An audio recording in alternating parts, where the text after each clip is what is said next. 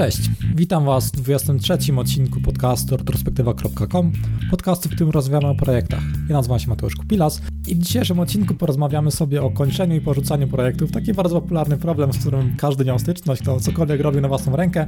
Gościem jest Krzysztof Owsiany. W tym odcinku nie porozmawiamy sobie tak jak zazwyczaj o jednym projekcie, tylko o wielu projektach Krzyśka, o tych, które w jakimś stopniu skończył, o tych, które porzucił. Wyszedł naprawdę fajny odcinek, e, trochę o technologiach, trochę o promowaniu projektu, trochę o tym, jakie projekty wychodzą, jakie niekoniecznie wychodzą i jakie mogą być tego powody. Zapraszam. I endorse this event or product. Sponsorem odcinka podcastu jest mój projekt IT Startup Gra Karciana. Jeżeli lubicie gry planszowe, gry karciane i chcielibyście zagrać coś w rodzaju Magic the Gathering, tyle że osadzonego w świecie IT, to zapraszam pod itstartup.pl. W grze zagrywamy programistów, wzmacniamy ich wiedzą i podkradamy ich sobie działem HR. Aktualnie produkt jest przed sprzedaży, a wysyłka planowana jest na czerwiec. To tyle mojej autopromocji. Zapraszam do podcastu. Cześć Krzysiek, witam Cię w podcaście. Cześć Mateusz. Witam w podcaście. proszę, przedstaw się proszę słuchaczom, kim jesteś i czym się zajmujesz. Nazywam się Krzysztof Owsiany. Jestem programistą od dziecka, odkąd dostałem, w zasadzie kupiłem sobie komputer na komunie. Na początku troszkę grałem, później zacząłem kodować. Taki kumpel dobry mi pokazał, y, jak to się fajnie na komputerze pisze, jakiś prosty programik.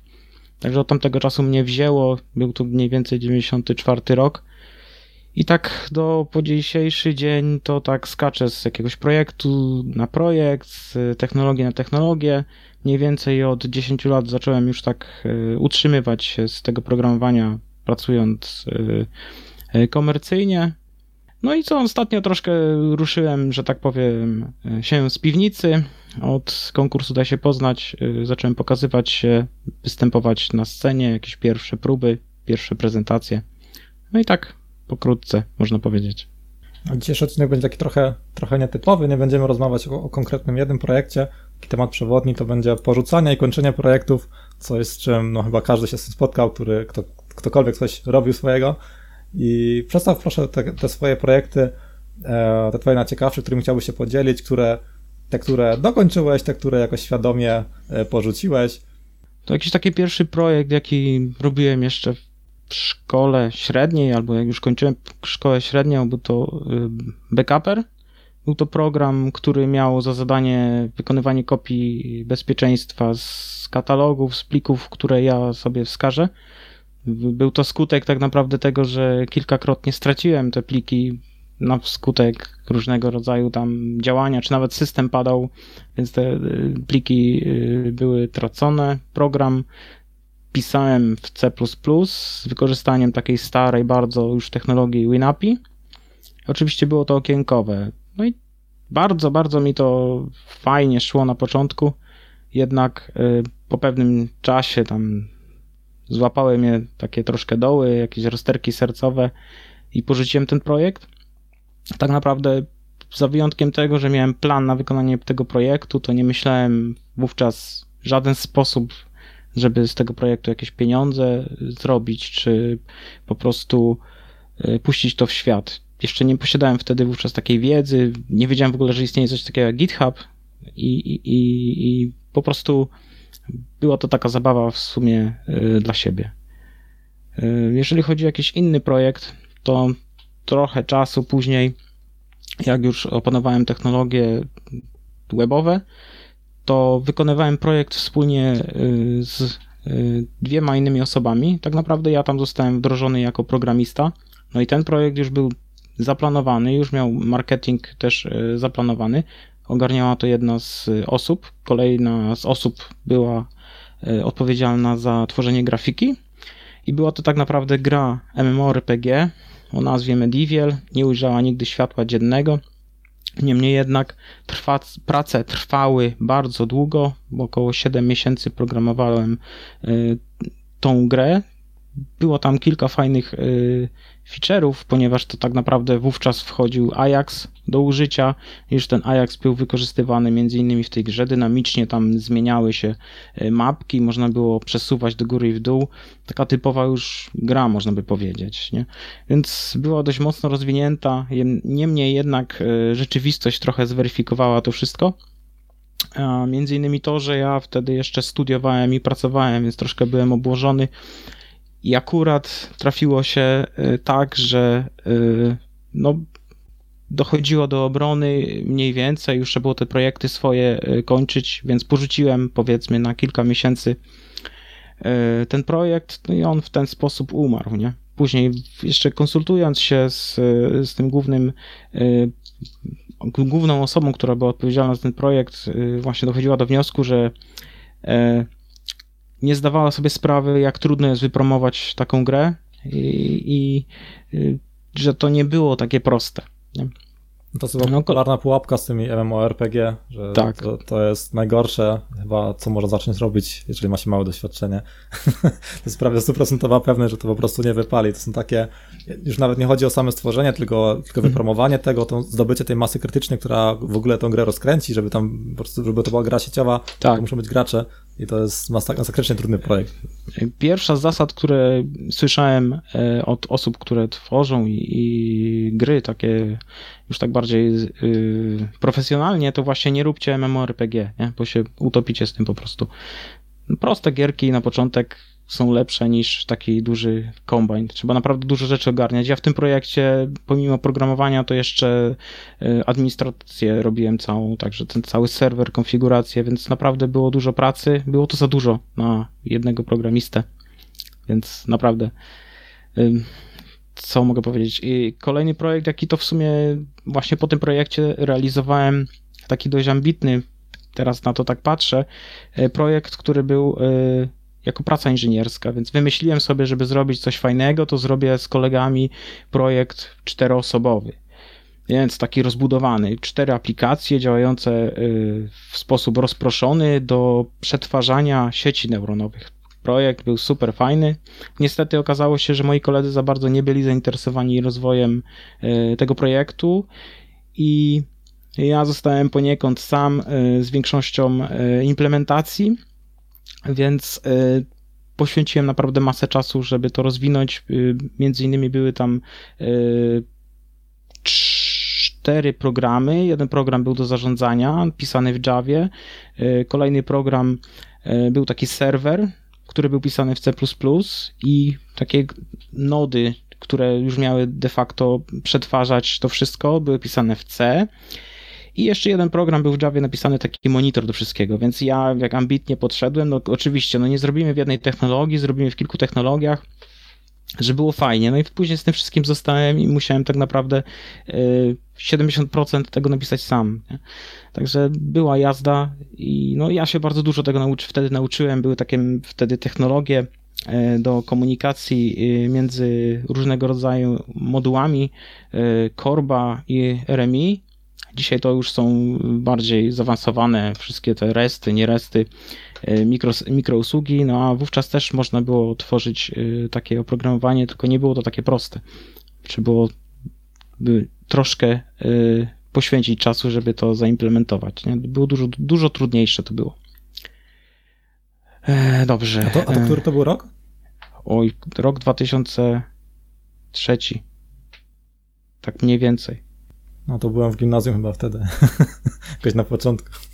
No, Także w gimnazjum. No ja, ja, ja jak wtedy kończyłem studia, no pomimo tego ja zrobiłem studia tak naprawdę e, zaocznie, więc cały czas pracowałem, w weekendy jeździłem e, na wykłady i jeszcze tam po godzinach pracy to tam się rozwijało to wszystko, więc naprawdę e, troszkę zajęcia miałem.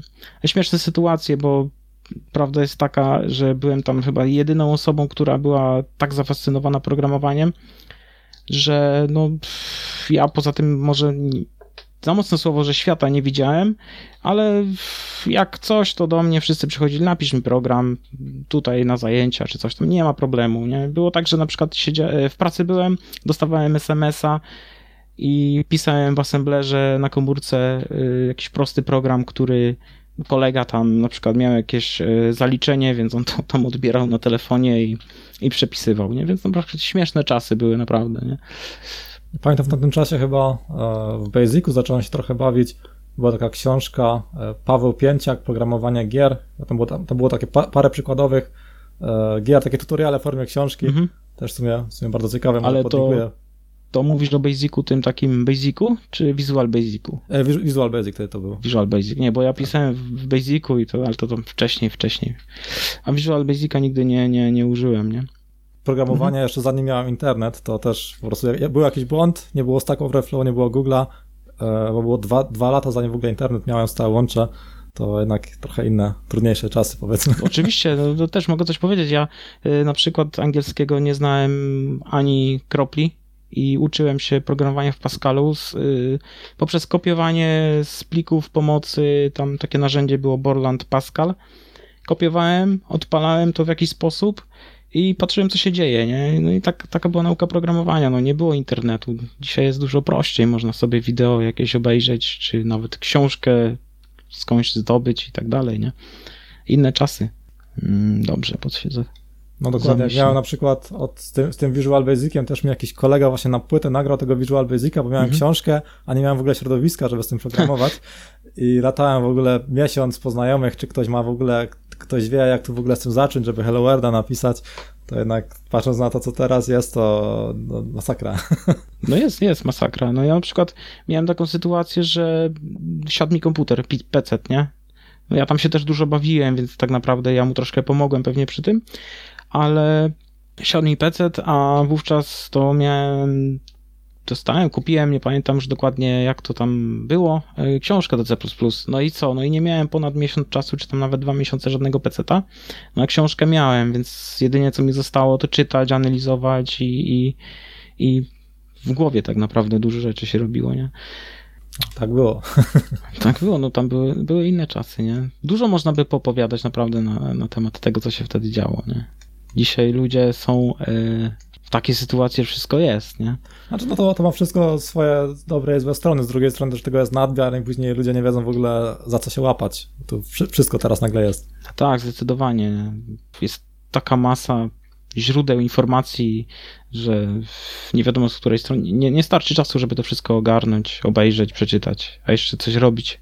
Masz z tych projektów, które e, właśnie te projekty, które wymieniłeś, to wszystkie porzuciłeś, czy może któryś z tych był powiedzmy w jakimś tam stopniu e, dokończony, że zdefiniowałeś tak, że teraz jest dokończony? E, można powiedzieć, że ten tak naprawdę na studiach, który projekt robiłem, to był dokończony, tam coś się działo, coś działało. Oczywiście to był taki studencki projekt, więc tam, żeby to na przykład komercyjnie coś z tym zrobić, trzeba byłoby na pewno rozbudować i parę rzeczy poprawić, nie? Ale tak poza tym to pozostałe projekty, no to mówię, ta gra to upadła, nie została dokończona. Ten projekt y, Backuper to też nie został ukończony. Kolejny projekt, jaki już tam realizowałem też z kolegą, był, były to, to portale ogłoszeniowe, a raczej taki system do portali ogłoszeniowych na bazie PHP, MySQL, tam HTML, JavaScriptu i tak dalej. Y, I ten projekt po dziś dzień działa. I y, postawiliśmy sześć portali ogłoszeniowych, takich lokalnych, że na przykład było miasto, wykupiliśmy domenę, y, wykupiliśmy y, serwer VPS-owy, gdzie to wszystko stoi i ludzie mogli za darmo zamieszczać ogłoszenia. No i tam był oczywiście już pomysł, żeby na tym zarabiać, tak, żeby sprzedawać jakieś reklamy, żeby były, były z tego pieniądze. Jednak okazało się, że więcej osób jest, które zamieszczają te ogłoszenia, aniżeli tych takich, które konsumują. No i problem znowu, tak? Nie, nie zostało to w żaden sposób, e, jak to się mówi, skomercjalizowane.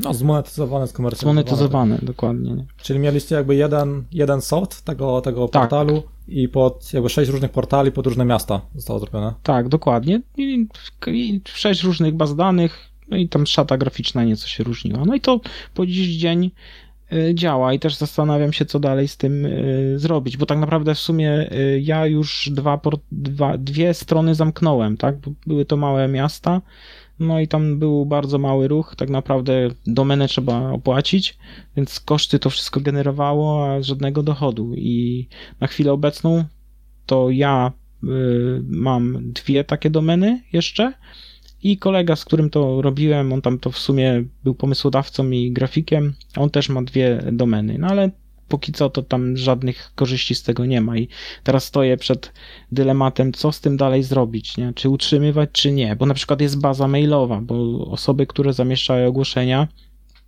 to no, oczywiście zostawiały tam swoje maile i mam jakiś punkt zaczepienia, żeby coś z tym dalej zrobić, nie? I to jest taki dylemat, co teraz, co dalej, nie? No też tak kiedyś miałem, że właśnie pod, pod wiele domen coś sobie skalowałem, na przykład miałem portal mhm. ze streszczeniami i wtedy bardzo się interesowałem pozycjonowaniem stron internetowych. Tak stwierdziłem, że jak mam jeden, jeden portal w topce pod, nie wiem, streszczenia krzyżacy na przykład, mhm. E, że zleciłem po prostu pisanie streszczeń E, tego samego streszczenia wiele razy na różne sposoby, żeby to był unikalny content i na przykład postawiłem e, trzy portale ze streszczeniami, żeby wbić nie tylko jedno miejsce w top 10, tylko na przykład trzy miejsca. Mm-hmm. I tak w sumie zdecydowałem później, jak, jak już nie miałem ochoty się tym zajmować, po prostu wszystko sprzedałem w cholerę, znalazłem innego klienta, który to kupił w pakiecie. E, I to też tak często mam, że nie lubię ciągnąć takiego, takie, takiego zombie, z mm-hmm. którym co zrobić, tylko sprzedaję gdzieś i robię coś nowego. To dobrze, że sprzedajesz, bo mi na przykład nie udało się jeszcze może też za, za słabo się staram. Pytanie, czy ktoś by to kupił, nie? Bo to też y, w dzisiejszych czasach mamy całego Elixa, no więc konkurować z Elixem to ciężka sprawa, nie? Znaczy teraz jest na pewno ciężej, też te 10 lat mhm. temu to były takie czasy trochę pionierskie, że naprawdę z, z byle czym można było tam w Google wyskoczyć w pierwszych wynikach i już tak, tak. sami wpadali. Po, po, dzisiaj pamiętam na przykład jak były te gierki pierwsze na Androida, gdzie sterowało się y, akcelerometrem, jakąś kuleczkę się wbijało, no i te gierki to były ho, ho, ho, tam ogromne ilości ludzie tam grali, no ale to był jeden z pierwszych gier, więc w co mieli grać? A dzisiaj jest tyle tego tam na markecie, że no ciężko się przebić. No, jak kolejny projekt właśnie, o którym chciałem powiedzieć, czyli to o Santa Gifts, y, który realizowałem z Mikołajem, to jak myśmy zrobili tą grę i wrzuciliśmy do tego marketu, to wówczas wtedy było takie rozpoznanie. Kurczę, ale tych gier jest naprawdę dużo. Wcześniej nie zrobiliśmy tego, popełniliśmy taki diametralny błąd, że po prostu yy, można powiedzieć, że masakra, nie? No ale zrobiliśmy tę grę, był taki fajny challenge, bo w 30 dni to napisaliśmy i wrzuciliśmy na market. Jest to na markecie i ta gra, można powiedzieć, że coś tam zarobiła, bo reklamy są wyświetlane, ale to też nie są pieniądze takie które nie wiem, były znaczące, nie? A to ile gra ma pobrań na dzień dzisiejszy? Oj, nawet nie wiem, koło setki tam było. No, to, to też się zmieniało. To, to musieliby naprawdę ludzie masę czasu przy niej siedzieć, żeby coś sensownego z tego było. Tak, tak, ale jest bardzo dużo tam po prostu, tak jak mówię, kosetki pobrań, to kosetki podobnych gier, może niekoniecznie aż tak zbieżnych, ale jest tam po prostu masa, masa tych gier, nie? No i to ciężko jest się przebić. No, trzeba uderzać właśnie w jakąś taką niszę, trzeba trochę researchu zrobić, żeby na przykład pod mhm. jakieś słowa kluczowe się wbić, później można to jakoś pod danymi słowami kluczowymi to można jakoś podbijać, na przykład wykupując reklamy na AdWordsach, to są różne takie mhm. techniki, gdzie można się wbić, ale to jest naprawdę no, brutalny rynek. Tak, dokładnie i tam duże firmy są, więc malutka firma, może nawet nie firma, tylko osoba naprawdę musi mieć dużo szczęścia czasem, żeby po prostu jakiś sposób tam zabłysnąć. Nie? Albo świetną grę. Znaczy to jest wiele czynników, nawet, nawet sama świetna gra, wypromowanie tego to jest praktycznie drugie tyle pracy, ile -hmm. stworzenia tej samej świetnej gry. Dlatego ja, ja, tak często teraz tak podchodzę, że po prostu buduję jakąś tam społeczność i pod tą społeczność dopiero jakiś produkt robię, jak na przykład teraz tą karcianką IT Startup, -hmm. że wiedziałem, że mam pewną grupę docelową i pod nią mogę coś zrobić, że to jest tak trochę odwrócony model biznesowy, o którym trochę mówiłem, że nie jest tak, że jest produkt -hmm. i szukam odbiorców, tylko mam odbiorców i teraz szykuję pod nich produkt. No ale tak jest zdecydowanie lepiej, tak? Nawet możesz zweryfikować ten na początku samym. To w sumie jest chyba takie podejście do tworzenia produktów y, Lean. Lean, Lean, jest kilka tych Leanów. Tak jak Lean, Lean Startup, to książka? Lean sta tak, ale tych, tych y, jest więcej, bo jest Lean Customer, coś tam i tak dalej. Naprawdę tych książek chyba z pięć ale one dotyczą tego samego, żeby nie iść od tej właśnie strony takiej, że a, robię produkt, a później szukam odbiorców, tylko mam jakiś koncept, coś tam buduję i weryfikuję, tak, żeby na samym początku już y, mieć taki feedback, czy to w ogóle jest sens to robić, nie? A nie, że ja na przykład poświęcam dwa tygodnie na jakiś feature, a użytkownik końcowy mi powie, nie, no po co mi to w ogóle jest potrzebne, nie? Więc tak, ta, ta filozofia fail quickly, żeby szybko jakieś rzucać pomysły o ścianę mhm. i, i, po prostu patrzeć, co się przyklei do tej ściany i później nad tym iterować dopiero. Żeby jak najwięcej konceptów odrzucić, które się na początku już nie sprawdzają. Tak, tak, zdecydowanie. No tutaj, co mogę powiedzieć? Jeszcze mam kolejną gierkę, którą tutaj z Mikołajem próbowaliśmy realizować.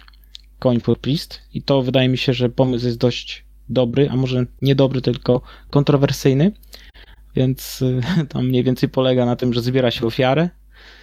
A to, pod, to typowo pod polski rynek chyba, nie? Bo tam było widziałem, tak. parodia ryzyka była. Tak, tak, bo to Mikołaj to rysował i jakoś tak właśnie mu się rzuciło na ryzyka. Więc narysował ryzyka. No i ta gierka już taka była bardziej obmyślana i tam już był, y, były achievementy i i już y, plan na to, żeby te pieniądze stamtąd jakieś pozyskiwać, już mikropłatności i tak dalej, nie? No ale póki co, no, projekt, który zaczął, yy, zaczęliśmy realizować, stoi od ponad pewnie półtora roku i nic w tym nie robimy, ale myślę, że trzeba będzie wrócić, bo warto spróbować, tak? Mhm, czyli, czyli, macie plan jakoś to wznowić i dokończyć? Tak, tak, zdecydowanie. No, ale trzeba to tak naprawdę od nowa zobaczyć, jak to wygląda, bo to jest już taki szmat czasu, że ale fajnie tam rzeczy były, na przykład, może niekoniecznie w tym Coin of Prey, y, Coins of for Priest, ale Santa Gibbs na przykład zastosowaliśmy e, balansowanie i na przykład e, zmiany pewne, pewnych elementów w grze wystarczyło dokonać, modyfikując wpis może nie w bazie danych, tylko takie pliki mieliśmy po prostu na serwerze i gra w momencie, kiedy uruchamiała się, był dostęp do internetu, to ona aktualizowała swoje parametry i na przykład można było zmodyfikować cały gameplay, nie? że na przykład coś uzyskiwałeś jakieś poziomy szybciej lub wolniej. No i to taki bardzo fajny feature był. No to dosyć popularna praktyka, też to w pracy mhm. stosowaliśmy, że przed, w miejscu logowania się do aplikacji, że zawsze gdy użytkownik się logował, to jakieś właśnie parametry, e, typu co było opóźnione po, jak w aplikacji, mhm. po ilu akcjach jakiś pop-up się pojawiał, e, że to były pobierane po prostu parametry z prostego JSON-a, które były pobierane. Tak, tak, tak. Sobie, tak sobie mogliśmy później balansować różne rzeczy właśnie bez aktualizacji aplikacji, tylko trzeba było to na serwerze podmienić i już po tak, ponownym tak, zalogowaniu bo... użytkownik ma te parametry. Bo gierki też fajnie jest, fajnie, powinno się balansować, bo ten koncept, który na początku opracujemy, może w ogóle nie być grywalny, nie? może się okazać, że zweryfikujemy to wszystko i ta gra jest nudna albo, albo za trudna, nie? Tak, taki tak, balans. Gdy mamy różne jakieś tam klasy, czy jakieś rankingi e, graczy, to mhm. taki, taki balans no, jest konieczny, bo później jest użytkownik, który ma jedną wersję gry, później jest druga wersja gry, która ma jakieś tam inne parametry i jak mhm. tu teraz w jakimś rankingu w ogóle ich porównywać? Przez to to musi być jakoś na serwerze do podmiany. Mhm. Ale to też mógłby się ktoś wkurzyć, nie? Bo jak są dość radykalne modyfikacje w grze, no to tutaj szło mi tak, za chwilę idzie mi gorzej albo lepiej, nie? I to jest zgrane. I później taki ranking, tak jak mówisz, nie? Porównanie się z kimś innym. Tutaj właśnie w tym y, y, Santa Kips to właśnie moja żona y, z Mikołajem często rywalizowała. Ja w tą grę praktycznie nie grałem, za wyjątkiem tego, że testy wykonywałem. No oni tam grali, tak przebijali się. W międzyczasie był ten balans zmieniany i, i też była taka frustracja z jednej czy drugiej strony, że komuś lepiej poszło lub gorzej, nie? No, to takie śmieszne po prostu sytuacje. To może właśnie mówisz o Mikołaju, to pewnie słuchacze nie kojarzą. E, mógłbyś doprecyzować, o kogo chodzi, bo właśnie tu mówisz, że e, z Mikołajem i fajnie Mikołaj Jakubowski, kolega, no on teraz e, rysuje karykaturki na YouTubie. No, no, no, właśnie o tym chciałem wspomnieć, że pewnie niektórzy, którzy, którzy śledzą może, mhm. e, śledzą YouTube, to kojarzą może serię IT Caricatures, jak to się nazywa? IT tak, tak, tak, IT Caricatures, między innymi twoją karykaturkę rysową, więc... tak, tak, wrzucałem na Facebooka. Właśnie widziałem Maćka Nisarowicza, narysował e, Mirka tak, tak. jako e, sporo tego. Teraz sporo, Coldwin, tak, Ginwald Coldwin, jak się, jak się go zawsze tą nazwę przekręca, ale też go narysował, no, bardzo no. fajnie to wyszło. No, bo tam dość dużo tego było, po prostu myśmy też brali udział w challenge'u Mirka i ja pisałem posty na bloga, a Mikołaj rysował, nie? Więc narysował tam ponad 30 y, tych karykaturek, ale będzie coś więcej robił z tego co wiem, bo nie chcę zdradzić tajemnicy, ale jakieś może animacje, coś w tym kierunku już tam A kombinuję. To mi, to mi pisał, pisał mi na Twitterze, na prywatnej wiadomości, to wiem o co chodzi, ale też nie będę zdradzał. Aha, to ja nie wiem, bo mi nie zdradził. Spoko. To może jeżeli chodzi o te, o te projekty, e, który z nich tak rozwijałeś najdłużej, jak, jak długo go rozwijałeś, jeżeli chodzi o, po prostu który rozwijałeś najdłużej, który najkrócej i dlaczego e, porzuciłeś na przykład jakiś projekt po, po krótkim czasie? który najdłużej, to bardzo długo rozwijałem tą grę MMORPG, to trwało około 7 miesięcy. To było dość dużo pracy. Ja też bardzo dużo się wtedy uczyłem, bo nie można powiedzieć, że znałem coś, nie korzystaliśmy też z frameworków, wtedy żadnych w przypadku PHP czy JavaScriptu. więc to bardzo długo trwało. Drugi projekt, który też długo był rozwijany, to był ten portal ogłoszeniowy, no ale to zostało wdrożone i to w trakcie wdrożenia też było bardzo dużo poprawek, więc to trwało spokojnie z 12 miesięcy. A taki najkrótszy projekt, który realizowałem, hmm, no to ten Santa Gibbs, nie? To w sumie jakby patrzeć na to, że programowałem razem właśnie z Mikołajem, to to zajęło mi to może z dwa tygodnie. Tylko ten projekt nie został porzucony, tylko po prostu zakończył się, nie? Nie, nie wiem, czy wspominałeś, bo chyba przed, przed nagrywaniem wspominałeś o tym właśnie te, te gry, które robiliście, to w LibGDX mhm. napisaliście i w Javie. Tak, dokładnie, w LibGDXie i uczyliśmy się z twoich kursów. No, bardzo, bardzo mi miło. Mi też, że poznałem osobę, która, nie wiem, zainspirowała i pokazała mi parę fajnych rzeczy. Nie wiem, czy coś jeszcze, tak?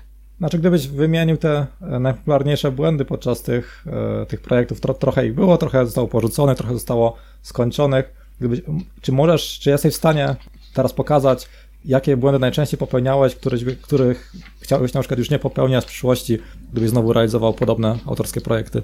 Na pewno to jest y, chyba największy błąd, to jest nierozpoznanie rynku, niezweryfikowanie tych wszystkich założeń, tylko bierzemy, robimy, a później się będziemy sprzedawać, nie? Więc to jest chyba najgorszy tutaj y, błąd, jaki można popełnić y, w tym momencie. Czyli tak bardziej na tej płaszczyźnie właśnie reklamowo-biznesowej. Tak, tak, dokładnie. No, projekty powinny być w jakiś sposób monetyzowane, tak? Prędzej czy później praca za darmo, y, jeszcze, zwłaszcza jeżeli to jest samodzielna, no to może się znudzić, tak? Nie będziesz miał tej motywacji. No nie pomijam tutaj sytuacji, że niektórzy naprawdę, czy tam open source y, rozwijają, ale to jest też inna kwestia, nie? Zazwyczaj utrzymują się z czegoś innego i może sposób, podejście do, do życia i do tych projektów mają zupełnie inne, nie? Znaczy tak, jeżeli definiujemy od początku, że jest to projekt mhm. po prostu niekomercyjny, to jest to całkiem inna praca. Mhm, dokładnie. A jeżeli chodzi o tą, o tą płaszczyznę związaną z technologiami, tutaj też mógłbyś jakieś błędy wymienić, czy raczej myślisz, że ten, ten zdecydowanie największy błąd to było właśnie ta, ta płaszczyzna marketingowo-biznesowa?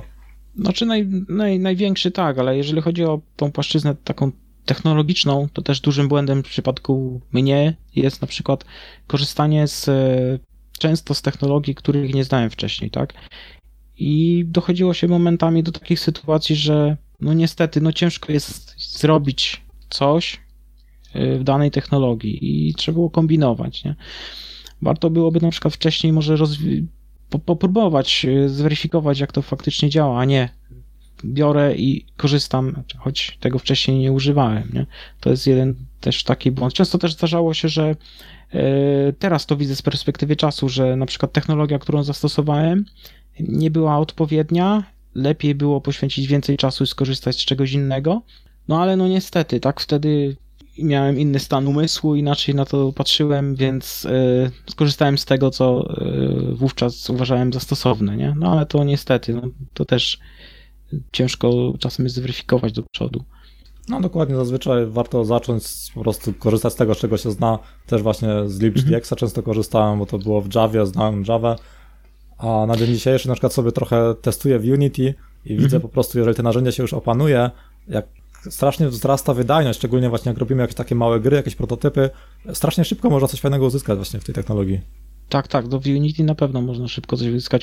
Ja też patrzyłem e, z perspektywy innej, e, ponieważ e, no, jak zaczynałem jakieś projekty robić właśnie też na te mobilki, gry, no to też patrzyłem pod kątem wydajności i z tego co pamiętam, to LibGDX bardzo właśnie wydajną technologią był. Yy, tak, tak, też zwróciłem na to uwagę na mhm. początku, że właśnie były te porównania, ja też się tym jarałem, że jakie to jest wydajne, a tak naprawdę, mhm. czy my to naprawdę wykorzystujemy, czy potrzebujemy tą wydajność?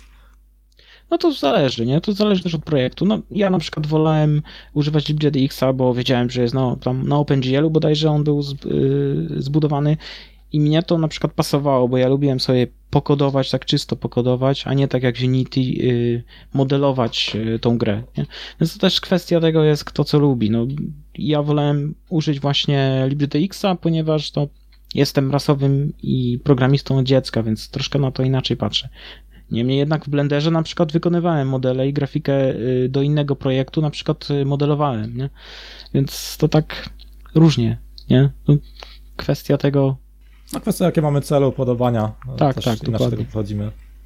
Jeżeli chodzi o właśnie, e, mówiłeś, że marketing e, nie zawsze wychodzi dobrze, ale jakiś marketing pewnie robiliście do tych swoich projektów i gdybyś tak się mógł podzielić właśnie sposobami, e, w jakie reklamowaliście te swoje projekty, jakie były efekty tych działań? No tak, no i to te gierki, Santa Gifts, y, to reklamowaliśmy tak naprawdę tylko i wyłącznie na Facebooku, poprzez założenie tam y, strony do projektu i wrzucanie tam co jakiś czas informacji z rzutów z tego, y, jak rozwijaliśmy tą aplikację. Więc w przypadku akurat tej gierki było tak y, średnio. Natomiast inny projekt, który też, który był tak naprawdę niejako kontynuacją mojej pracy magisterskiej, była to gra Social Speedway. Też miała być coś na wzór MMORPG, ale nie do końca. I ta gierka po dziś dzień, pomimo tego, że my ten projekt zaniechaliśmy, cały czas zbiera y, osoby zainteresowane, bo też jest y, strona y, na Facebooku. Tylko z tą różnicą, że tam były bardzo fajne treści, bo ja wówczas modelowałem dużo w 3D i ta gierka tyczy, dotyczyć miała żużla, speedwaya, nie wiem, czy ktoś będzie to kojarzył, taki sport. I projektowałem na przykład modele motocykli i te motocykle zamodelowałem, zrobiłem animację i wrzuciłem na Facebooka. I to dość ładnie się promowało, bo były ładny, ładny content był dodawany. No i też regularność miała znaczenie, bo jak dba się o, o że tak powiem, e, o te treści, systematyczność, y, to też są zupełnie in- inne, y, inne skutki, nie? Jakieś ładne Mhm. grafiki czy coś, to, to bardzo pomaga. Na przykład na, na Tak. Twitterze e, chyba Sos Sosowski, on bardzo się reklamuje w ten sposób, że on właśnie tworzy śmie- y, no właśnie, Sos tworzy śmieszne gify swoich gier i to jest bardzo fajna reklama na Twitterze, że to ma naprawdę miliony wyświetleń tych gifów. Mhm. Tak, tak, no SOS tam, SOS ma bardzo fajną stronę w ogóle taką swoją, więc taka w sumie strona gra, bym powiedział, takie No, intro. no, widziałem też taka, e, tam, tam gdzieś była ciekawostka, że u nas w ogóle bardzo minima, minimalistyczne, jeżeli chodzi o kod źródłowy, że tam się tyle dzieje, ale to może taki off-top. Spoko. Nie, nie będę tu o SOSie rozmawiał, bo go tam lekko, troszeczkę go znam, nie? Tak akurat. Czyli jeżeli chodzi o ten marketing, to najlepiej się sprawdzało, sprawdzało tak jak mówiliśmy, jak, jakieś e, ciekawe grafiki na Facebooku, które były po prostu chętnie szerowane, chętnie lajkowane i zbierały Tak, zasięgi. No też proces taki, jak y, wytwarzasz tą, tą, ten projekt i udostępniasz to, to już gromadzisz sobie y, rzeszę zainteresowanych osób, tak? Można wtedy wykonywać jakieś, jakiegoś różnego rodzaju triki, że wrzucasz grafikę i z pytaniem, czy ten kolor jest lepszy, czy inny. I ludzie wtedy angażują się na przykład i też możesz weryfikować to, co y, założyłeś, więc jest to bardzo fajne. No i też fajnie na przykład jest oglądać proces wytwarzania, tak? Ja jakbym był y, zainteresowany danym produktem i widzę, że tam się coś dzieje, są bardzo aktywni, coś tam się zmienia. Na przykład jakbym był jeszcze opcja, że na przykład ja bym mógł uczestniczyć w jakichś testach za free na przykład, no to ja bym był osobiście bardzo zainteresowany takim podejściem.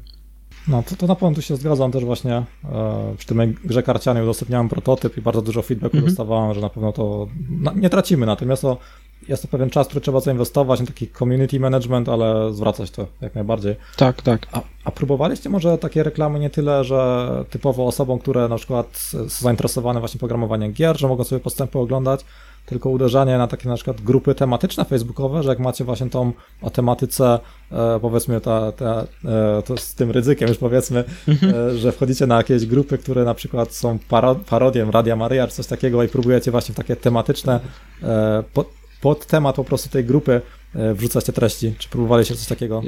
Jeszcze nie do końca wrzucaliśmy treści w takie grupy tematyczne, ale związane tam z indie, z indykami. A co do y, właśnie tego, tej gierki z tym y, księdzem, to ja miałem taki właśnie pomysł, żeby trochę kontrowersyjnie zagrać i typowo udać się, uderzyć w miejsce, gdzie to najbardziej zaboli, tak? Żeby był troszkę szum na ten temat, nie? Czyli nawet wysłać do Radia Maryja i w sensie, zobaczcie, ktoś tu takie coś zrobił, nie? No pamiętam, był taki viral z projektem, to był projekt Martina Lechowicza, nie wiem, czy kojarzysz go, taki Bart. Nie, nie. E, ma, ma takie śmieszne piosenki na, na YouTubie, on był bardzo popularny, chyba szczyt popularności to był na rok 2008-2009, mhm. e, gdzie wrzucał właśnie jakieś piosenki z, e, o opóźniające się pociągu PKP, tam chyba balady o CS-ie mhm. też nagrał na, na, na YouTubie. E, w każdym razie to jest też taki programista i on stworzył taką grę, e, gra narodowa, to było o, o mhm. Smoleńsku, mhm. Gdzie lecimy, le, lecimy samolotem i żeby jak się podnosimy, to musimy wypijać flaszki i im więcej flaszek wypijemy, tym bardziej prawdopodobne, że uderzymy w brzodę, coś takiego.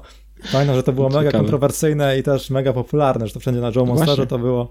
To mi się właśnie skojarzyło, jak mówiłeś o takiej popularności na kontrowersji, to właśnie można sobie wygooglać e, gra narodowa, to może jeszcze gdzieś jest, mm -hmm. to w HTML-u 5 taka prosta fleszówka, taka parodia smoleńska, Ciekawe, ciekawe. Bo tu, wiesz, tu walczysz, znaczy może nie walczysz, bo z jednej strony masz osoby, które są e, niejako po twojej stronie, a z drugiej osoby przeciwne. I to takie niby siły się z dwóch stron ścierają. Jedni chcą promować, znaczy podbijają tą twoją grę na przykład, bo e, jedzie na tą drugą stronę, natomiast ci drudzy piszą oni, że ona jest taka, no, nieodpowiednia i tak, takie ma, ja mam wrażenie na przykład, że jakbym uderzył właśnie w tym kierunku, to yy, jak to jest e, powiedzenie, gdzie dwóch się bije, tam trzeci korzysta i ja myślę, żebym na tym skorzystał, tak? Tak, jak najbardziej. To jest właśnie błędne założenie, mm. że myślimy, że wszyscy muszą nas lubić, tak wbrew pozorom właśnie w internecie takie kontrowersje, ścierania się właśnie, jakieś tam kłótnie, komentarze, dużo komentarzy, mm -hmm. reakcje, to, to, generuje zasięgi, to powoduje, że algorytmy tak, tak. działają, tak. widzą, o tu się dużo dzieje, to to będziemy częściej pokazywać, żeby częściej wyświetlić reklamę. Tak na przykład YouTube działa, że wbrew pozorom na przykład dislike'i mm -hmm dislike nie przeszkadzają w ogóle jakoś specjalnie e, filmom, na przykład utwór Baby od Justina Biebera, to jest mhm. chyba najbardziej dislikeowany utwór na YouTubie, a ma tam setki milionów wyświetleń. Oczywiście. Że wszystkie te algorytmy działają na tym, żeby było jak najwięcej reakcji i nie więcej reakcji wywołamy, tym mamy większy zasięg, a nie jest to, że najwięcej tak, osób tak, nas tak. lubi. No jak się coś dzieje, no to wiadomo, no, popularność yy, niejako tego rośnie, tak. Ale nie wiem, czy kojarzysz tą sytuację, jak Maciej Anisrowicz yy, nie wiem, czy on, czy ktoś wrzucił właśnie y, tam coś na temat jego książki i tam się taka burza y, wywiązała i on wtedy naprawdę jakieś konkretne pieniądze ze sprzedaży zgarnął, nie? Tak, tak, to było, bo ktoś recenzję wrzucił na swojego mhm. bloga mm -hmm. i tam to, tam to wrzucił. E, to też, też kojarzę, to, to sporo zasięgów wygenerowało. Tak, dokładnie, nie? Teraz może tak do Główny, głównym tematem odcinka, tak trochę off-topowaliśmy, ale myślę, że tak fajnie, fajna rozmowa wychodziła. E, głównym tematem odcinka miało być e, porzucanie i kończenie projektów i gdybyś tak, twoim zdaniem, na podstawie twoich doświadczeń, e, kiedy twoim zdaniem warto podejmować decyzję, że coś porzucamy, a, a kiedy warto dążyć do tego, by, by jednak skończyć ten projekt? Jakie tu jest twoje zdanie? Ciężko, ciężki, ciężki temat, wydaje mi się. No, jak dla mnie, y, porzucanie projektu może odpowiem w ten sposób. Jeżeli ja na przykład tracę zaangażowanie w danym projekcie, yy, od, od, odciągam się niejako na przykład od technologii, w której był wykonany i widzę, że tak naprawdę no ten projekt nie przynosi żadnych korzyści, nic się wokół niego nie dzieje, yy, no to myślę, że podjąłbym tutaj decyzję że zaniech, zaniecham działanie, zaniecham rozwoju tego projektu, którego tak naprawdę być może już nawet nie rozwijam, tak? Może już, nie wiem, od pół roku nic tam nie zrobiłem, nie? Jeżeli chodzi o kontynuację, no to czasem bywa tak, że pomimo tego, że projekt jest projekt jest słaby, projekt y, się nie powiódł, to może się okazać, że coś w tym projekcie jest takiego, które może potencjalnie przynieść wartość. Być może wtedy jest, y, byłoby y, warto kontynuować ten projekt, nie? Tak jak w kontekście tego mojego portalu ogłoszeniowego. Cały czas trzyma mnie to właśnie e, to, że mam tam jakąś rzeszę maili, których, y, z których mogę skorzystać, ponieważ tam wiadomo, jakieś prawo i, i polityka prywatności i tak dalej trzeba było zaakceptować, więc mam tą bazę maili i jeżeli ja nie wiem, może źle mówię, może po prostu e, zamknąć projekt i skorzystać z tej bazy maili przy nowym projekcie i to byłby jakiś sposób na start, nie? No, nie wiem, wydaje mi się, że to jest naprawdę ciężki temat, y, kończenie i, i, i rozpoczynanie projektów, nie? No nie tylko ja mam z tym problem. No pewnie tutaj to, to każdy, kto ktokolwiek coś własnego robił, miał takie dylematy, że tutaj to już tak, tak daleko tak. zaszło i teraz poświęcić kolejne pół roku, żeby to tam doprowadzić do jakiegoś Dokładnie. Stanu. A jeszcze jest, wiesz, ten żal, nie? Poświęciłeś pół roku, czy tam rok pracy i teraz to skasować, wywalić, czy y, zaniechać, nie? Przecież to miało być takie cudowne wszystko, nie? Tak, jest... dokładnie. Też, też właśnie z moją grą muzyczną tak, tak miałem, że mhm. było to rozwijane jakoś tam po godzinach, rok, później to jakieś tam efekty były, ale później widziałem, że wahałem się, czy to dalej prowadzić, czy nie, ale na szczęście dostałem ofertę, że jakaś firma zaproponowała, że chce to kupić, to miałem po prostu proste wyjście, że tutaj odsprzedaję to wszystko, dostaję jakąś tam gotówkę i mam to z głowy. Dokładnie, ale z, z, tego co wiem, to też y, tak typowo tworzą gierki na przykład. Y, i to jeszcze dawniej jak, y, bo ja często jeździłem do, na PGA do Poznania i tam jest, wcześniej było takie coś jak ZTG i to był zlot twórców gier, obecnie to jest GIT, międzynarodowa impreza i tam naprawdę bardzo dużo informacji można uzyskać od osób, które E, zrobiły gry, które z powodzeniem zrobiły gry, które zarobiły. I, i, i tam właśnie między innymi słyszałem o tym, że normalnie ludzie na przykład tworzą gry pod kątem takim, że tą grę sprzedadzą. To są bardzo proste gierki, są podobno gdzieś jakieś portale, y, które skupują y, takie gierki i to zazwyczaj były te takie gry online, takie, że wchodziło się, tam było od y, groma tych różnych rodzajów kategoryzowanych gierek i tam właśnie wrzucało się takie gierki. Ja miałem na przykład przyjemność, może nie przyjemność, po prostu wykonywałem dwie gry na zlecenie. Był to Wisielec i coś związanego z rozpoznawaniem, wykrywaniem słów i zdań. I taką gierkę robiłem właśnie pod tym kątem, tak? Dostałem zlecenie i to miało być gdzieś wrzucone właśnie na stronę. I bardzo dużo osób podobno, bo ciężko mi jest to zweryfikować, o tym tylko słyszałem, zarabia w ten sposób, że robią cały miesiąc gierkę i ją później sprzedają, nie? Tak, ja robiłem nawet research na ten temat, bo właśnie przy okazji da się poznać E, mhm. Robiłem taką prostą gierkę webową, też właśnie to jest w temacie, te Evil Slime City, które robiłem na, mhm. da się poznać, to, to utknęło na pewnym etapie właśnie, to, to, to był taki mój eksperyment, że kupiłem sobie takiego e-booka od blogera True Valhalla, przy okazji polecam, może podlinkuję ten wpis, gdzie streściłem mhm. po prostu treść jego e-booka i tam było właśnie coś takiego, Spoko. że tworząc jakąś tam gierkę webową, która jest w miarę fajna, można z jakimś tam stanem, powiedzmy takim stanem półsurowym uderzać do wydawcy i taki wydawca nam mówi, jakie, jakie tam reklamy mielibyśmy zaimplementować. Jeżeli je tam zaimplementujemy i, taki, i taki, taką tą grę mu udostępnimy, to on ma jakąś swoją sieć portali internetowych, czy ma tam mhm. E, dostęp do tej sieci i on to później udostępni ze swoimi reklamami. I na przykład jednorazowo dostaniemy 500 dolarów za to, że e, mu tą grę odsprzedajemy i nawet, na, nawet e, jest dostępna lista online E, mhm. takich, takich wydawców, do których można się taką grą odezwać.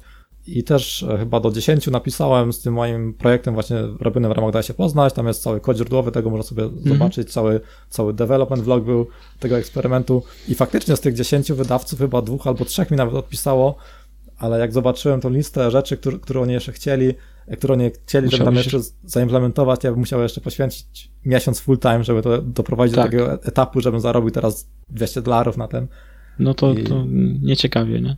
Tak, że Jak nie to są to duże pieniądze. To, to da się zrobić, ale to jest, to, jest mhm. to, to, trudny biznes. Jak to mój kolega mówił, jak był ten portal y, zlecenia przez net, kiedyś był taki portal, już chyba go nie ma. O, pamiętam. Zle, zlecenie za bułkę. Tak się śmiał właśnie, że często takie były właśnie tam zlecenia, że na bułkę byś zarobił, nie? To tu też byś siedział miesiąc czasu i 200 dolarów, no nie za ciekawie. Znaczy to jest myślę model biznesowy taki, że mhm. mamy jak, jakąś tam podstawową mechanikę jakiejś gry, albo mamy parę takich podstawowych mechanik i po prostu zmieniamy tam sobie asety, e, kupujemy asety za 30 dolarów gdzieś gotowe, podmieniamy je i tę mhm. samą grę sprzedajemy ileś razy i wtedy, wtedy się to opłaca robić, że tam zaimplementować te API od tych wydawców z reklamami mhm. i wszystko i zarobimy no po 200-300 tak. dolców od tej gry, a na pewno nie jest to model taki, że robimy sobie, wkładamy serce w jakąś autorską grę doszlifowaną i teraz sprzedamy Dokładnie. to za 200 dolców. Dokładnie. No, też myślę właśnie te Evil Slime City, które robią na TEDxie poznać. Mhm. E, też to właśnie tak mówię, że trzeba postawić tą kropkę, tak naprawdę tam wisi, mam te maile od tych wydawców, ja to po prostu gdzieś e, poszukam sobie, nie wiem, na Congregate, czy gdzieś rzucę, bez reklam kompletnie, tutaj grajcie sobie, have fun mhm. i w ogóle porzucę ten pomysł, że chcę na tym cokolwiek zarobić. No wiesz, nie zawsze warto, ale mógłbyś tam swoje logo czy coś, zrobiłem fajną gierkę i tak dalej, nie? Więc promować o, to, to, to, to fakt, można, można jako, jako ten, e, można to jeszcze jakoś tam podrzucić, że tutaj jest jeszcze ten development vlog, to jest może problem, że ten development vlog jest tylko po polsku, to też ogranicza mhm. pewną grupę odbiorców. A jeżeli chodzi o Twoje e, plany na przyszłość, może niekoniecznie e, z tymi projektami, które teraz rozwijasz, może masz e, coś nowego w głowie, gdybyś tutaj mógł się podzielić z tym, co planujesz na najbliższą przyszłość? Na najbliższą przyszłość moją planuję. Planuję troszkę zmienić podejście do tego wszystkiego i zająć się bardziej promocją siebie, niejako, Y, przez to właśnie też ostatnio troszkę więcej jestem widziany w internetach y, i nie tylko w internetach, bo także zacząłem występować na konferencjach, na grupach y, takich lokalnych. Chcę w jakiś sposób siebie wypromować i myślę, że to będzie jakaś podstawa, żeby zebrać jakąś grupę zainteresowanych osób, do których będę mógł celować swoje produkty. Czyli troszkę od drugiej strony, czyli raczej bym powiedział od tej y, prawidłowej strony chcę do tego podejść, czyli najpierw zebrać y, pulę, do której będę y, sprzedawał moje produkty. A jeżeli chodzi o to, co chciałbym zrobić, no to na chwilę obecną chciałbym skończyć projekt, który realizowałem na Daj się poznać, Pict Ogre. Był to programik, który, który miał za zadanie katalogowanie, może nie katalogowanie, tylko trzymanie porządku na przykład w zdjęciach, nie na zasadzie katalogowania, tylko e, rozmieszczenia w odpowiednich folderach i grupowania e, tych obrazków, na przykład według e, informacji zawartych w Exifie, w obrazkach. I tam był jeszcze taki model, który miał powstać później, ponieważ ten pomysł troszkę mi się spodobał i chciałem docelowo stworzyć ogólnie soft komercyjny, który nie tylko będzie zajmował się obrazkami, ale też y, wszystkimi innymi plikami, na przykład dokumenty. Często zdarza się tak właśnie, że niektórzy no, nie potrafią utrzymać y, porządku y, na komputerze, no a taki soft by to zapewniał, tak? No tu masz swoje dokumenty, tu masz swoje obrazki, tu masz swoje wideo i w jakiś sposób to by grupował i katalogował. To jest jeden pomysł. Chciałbym też stworzyć taki programik, który w przyszłości zamierzam rozwijać. Póki co to tak naprawdę mam taki e, projekt dość prosty i to miałoby za zadanie agregowanie linków i e, na zasadzie takiej, że e, dobrze, może źle powiedziałem, może nie tylko agregowanie linków, ale na przykład ja jako programista często nie lubię, jak uruchamiam komputer, że muszę wszystko sobie układać od zera. Tu muszę sobie jakiś edytor wrzucić, tu muszę sobie jakieś środowisko, tu jakąś konsolę. I chciałbym mieć taki program, który w momencie jednego kliku on uruchamia wszystko na odpowiednich pulpitach. I między innymi właśnie ten program miałby do tego służyć, że mam taką bazę takich wyzwalaczy i na przykład jeden wyzwalacz otwiera mi, nie wiem, pięć folderów, na których pracuję. Drugi na przykład wyzwala mi środowisko, które, w którym tworzę na przykład grę za chwilę e, korzystam z czegoś innego, to przełączam się znowu na przykład do tworzenia stron internetowych na tej zasadzie. I taki program chciałbym w przyszłości e, też stworzyć. No i na pewno jakąś gierkę chciałbym w końcu zrobić taką bardziej e, bardziej, że tak powiem, grywalną. Jest pewien koncept, który powstał bardzo dawno i polegałoby to na tym, że na komórce poprzez pocieranie ekranu odkrywalibyśmy y, kolejne warstwy, na przykład takiej ziemi, gdzie szukalibyśmy kości dinozaurów, nie? No i te dinozaury później by y, można było katalogować. No, taka gierka typowo nieco podobna do tych wszystkich takich klikaczy, że klikasz w jajo, czy, czy, czy do, przez dotyk, nie? Tylko tutaj polegałoby to na pocieraniu i takim kopaniu, nie? Taka zabawa trochę w archeologa. Tak, coś w tym rodzaju. No, jakieś tam narzędzia do tego oczywiście komert y, płatne, że szybciej wykopiesz, nie? Także jakieś tam pomysły są, nie? No ale teraz kwestia tego jeszcze, kiedy to będzie do realizacji. No, do tego programu, który właśnie otwiera e, dane środowisko, jak to wszystko tam, tą całą otoczkę, to na mhm. pewno zapis- e, możesz do mnie się odezwać, jeżeli chodzi o jakieś testy beta czy coś, na pewno mhm. jestem chętny brać w tym udział. Spoko. Na razie to tylko mam taki zrobiony y, event storming, tak to się fachowo nazywa, więc zobaczymy, co z tego wyniknie. A tu jeszcze w tym temacie mówiłeś właśnie, że to jest e, słuszny sposób właśnie budowania najpierw tą bazę użytkowników, a później ten, e, a później ten właściwy produkt. E, to gdzieś właśnie słyszałem takie, to, to można fajnie określić właśnie, to jest nie tyle, że może słuszny, to jest taki jak, jak można w sposób powtarzalny coś robić, mhm. by to zawsze odnosiło sukces, bo szczególnie właśnie w game devie, tak dużo o tym game dev mhm. uderzamy, że to są takie złote strzały, że albo wychodzi, jest mega sukces, a takich średniaków jest mało i właśnie przez, przez to, że najpierw mamy jakąś tam budowaną społeczność, tą bazę użytkowników, to możemy bardzo powtarzalnie e, odnosić takie średnie sukcesy. W przypadku tworzenia gier to y, dobrze jest zrobić na początku takie prototypowanie, bo kiedyś też y, uczestniczyłem w takich zajęciach i tworzyliśmy grę tak naprawdę z papieru, z tego co mieliśmy. Nożyczki, papier, jakieś długopisy, mazaki i taki koncept powstawał w kilka godzin i można było na przykład w tą grę w jakiś sposób już zagrać i zweryfikować to, czy to faktycznie jest sens w ten sposób robić, czy nie. Czy taki, taki game jam, tyle że bardziej e, analogowy, tak? Dokładnie, typowo takie po prostu bierzesz sobie, wycinasz sobie, wiesz, karteczki, rysujesz sobie jakieś tam, wiesz, takie nawet symbole czy cokolwiek, no i później na przykład możesz z kimś zagrać, tak, jakieś tam, wszystko takie, taka symulacja w czasie rzeczywistym, nie? Ale to się dość ciekawie sprawdza, bo mówię, możesz zweryfikować y, na takim etapie już, że na przykład coś jest bez sensu, nie? Bo wiesz, pomysł wymyślisz, myślisz o nim myślisz, ale tak naprawdę nie możesz w niego zagrać, nie? Więc y, tutaj możesz, to nie jest to, co ma być docelowo, ale można już jakiś tam proces y, przejść, tak? Zweryfikować te założenia, nie? Tak, tak, to ważna faza prototypowania i tu właśnie to wspomaga e, ta budowana mhm. społeczność, która już to może po prostu testować i dawać konkretne feedback. Tak, tak, tak. No tak jak tą jest... E, swoją karciankę, no to między innymi ja dostałem, znaczy przyznam się, że nic z tym nie zrobiłem, bo troszkę za, zapracowany jestem, no ale dałeś do testowania tak naprawdę, kto chciał mógł sobie wydrukować i zagrać w nią, nie? Znaczy tak, to, to, to jest może specyficzne, bo to nie jest tylko, że mhm. klikamy sobie w okno przeglądarki i od razu tak, tak. Mamy, mamy grę. E, powiedzmy na te parę tysięcy użytkowników na bazie mailowej, takich osób, co faktycznie grało i wysłało mi feedback, to miałem może 20, że to jest jednak... No to wiesz, no zazwyczaj tak jest. No, ciężko czasem się zebrać i, i zagrać, nawet się zapomina, no ludzie są zapracowani niby, nie? Więc... Tak, i tym bardziej trzeba było zebrać pewną grupę znajomych, z którymi można pograć, że tutaj faktycznie to, no trzeba trochę wysiłku włożyć, żeby coś takiego, powiedzmy, jak tak, grę tak, karcianą tak. przetestować.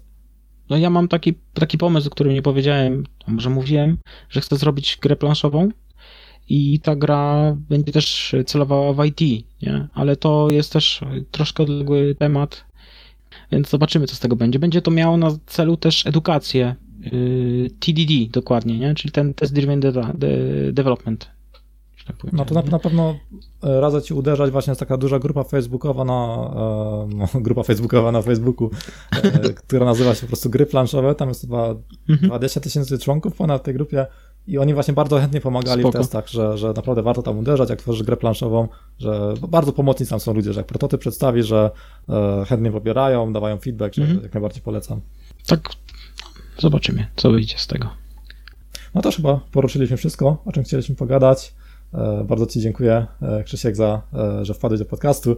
Poruszyliśmy dużo takich, no może tak nie, nie, nie, nietypowych tematów, że jakieś success story, bo jednak mm -hmm. większość projektów nie wypala, ale zawsze tak. warto, się, warto się podzielić właśnie doświadczeniem, że albo myślę świadomość, że właśnie, że nie tylko o, że nam wszystko nie wypala, tylko faktycznie ludzie próbują, dużo rzeczy nie wychodzi i warto się podzielić tym czasami wnioskami, dlaczego coś nie wyszło. Mm -hmm.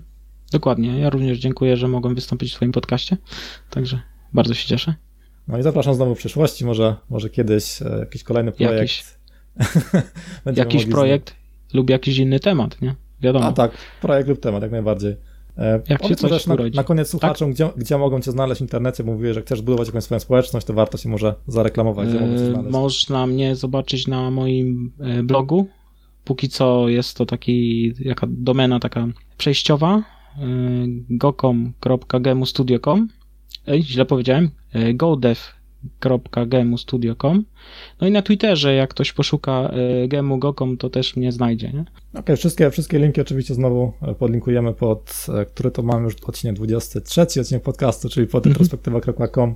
ukośnik 23 znajdziecie wszystkie linki o projektach od, od Krzyśka, gdzie możecie znaleźć Krzyśka, trochę o tych E, rzeczy, o których rozmawialiśmy, na przykład ten wpis na blogu, w którym streszczałem tą książkę na temat e, mhm. tego e-booka, na temat zarabiania na grach webowych. Myślę, to jest taki fajny, fajny artykuł w temacie e, i będziemy się żegnać. Dziękuję, że wpadł Krzysiek. Cześć. I dzięki, cześć, na razie. To już wszystko, jeżeli chodzi o odcinek podcastu. Mam nadzieję, że Wam się podobało. Wszystkie linki związane z podcastem znajdziecie pod retrospektywa.com 23, tak jak 23 odcinek podcastu. Odcinek znowu za tydzień. Za tydzień odcinek będzie e, retrospektywą crowdfundingu mojego projektu IT Startem Gra Karciana. Jak to udało się zebrać w miesiąc e, ponad 63 tysięcy złotych wsparcia. Mm, cała analiza od A do Z, jak to zostało przygotowane, co bym ewentualnie zrobił lepiej. A sporo z tych rzeczy, które zrobiłem lepiej, na pewno można było osiągnąć lepszy wynik. Mm, dodatkowo zrobiłem ankietę wśród wspierających. Na prawie 800 wspierających 135 chyba wypełniło ankietę, więc mam dodatkowe ciekawe dane, którymi można się podzielić. Czyli zapraszam już za tydzień do odcinka podcastu. Jeżeli podcast Wam się podoba i chcielibyście go wesprzeć, to zapraszam pod retrospektywa.com gośnik wsparcie. Tam możecie zobaczyć, jak możecie to zrobić. Na przykład zwykłe polubienie na Facebooku czy ocena na iTunes. Są to rzeczy, które Was nic nie kosztują, a w jakiś sposób wspierają podcast, wpływają na jego zasięgi. Dziękuję za słuchanie. Słyszymy się znowu za tydzień. Cześć.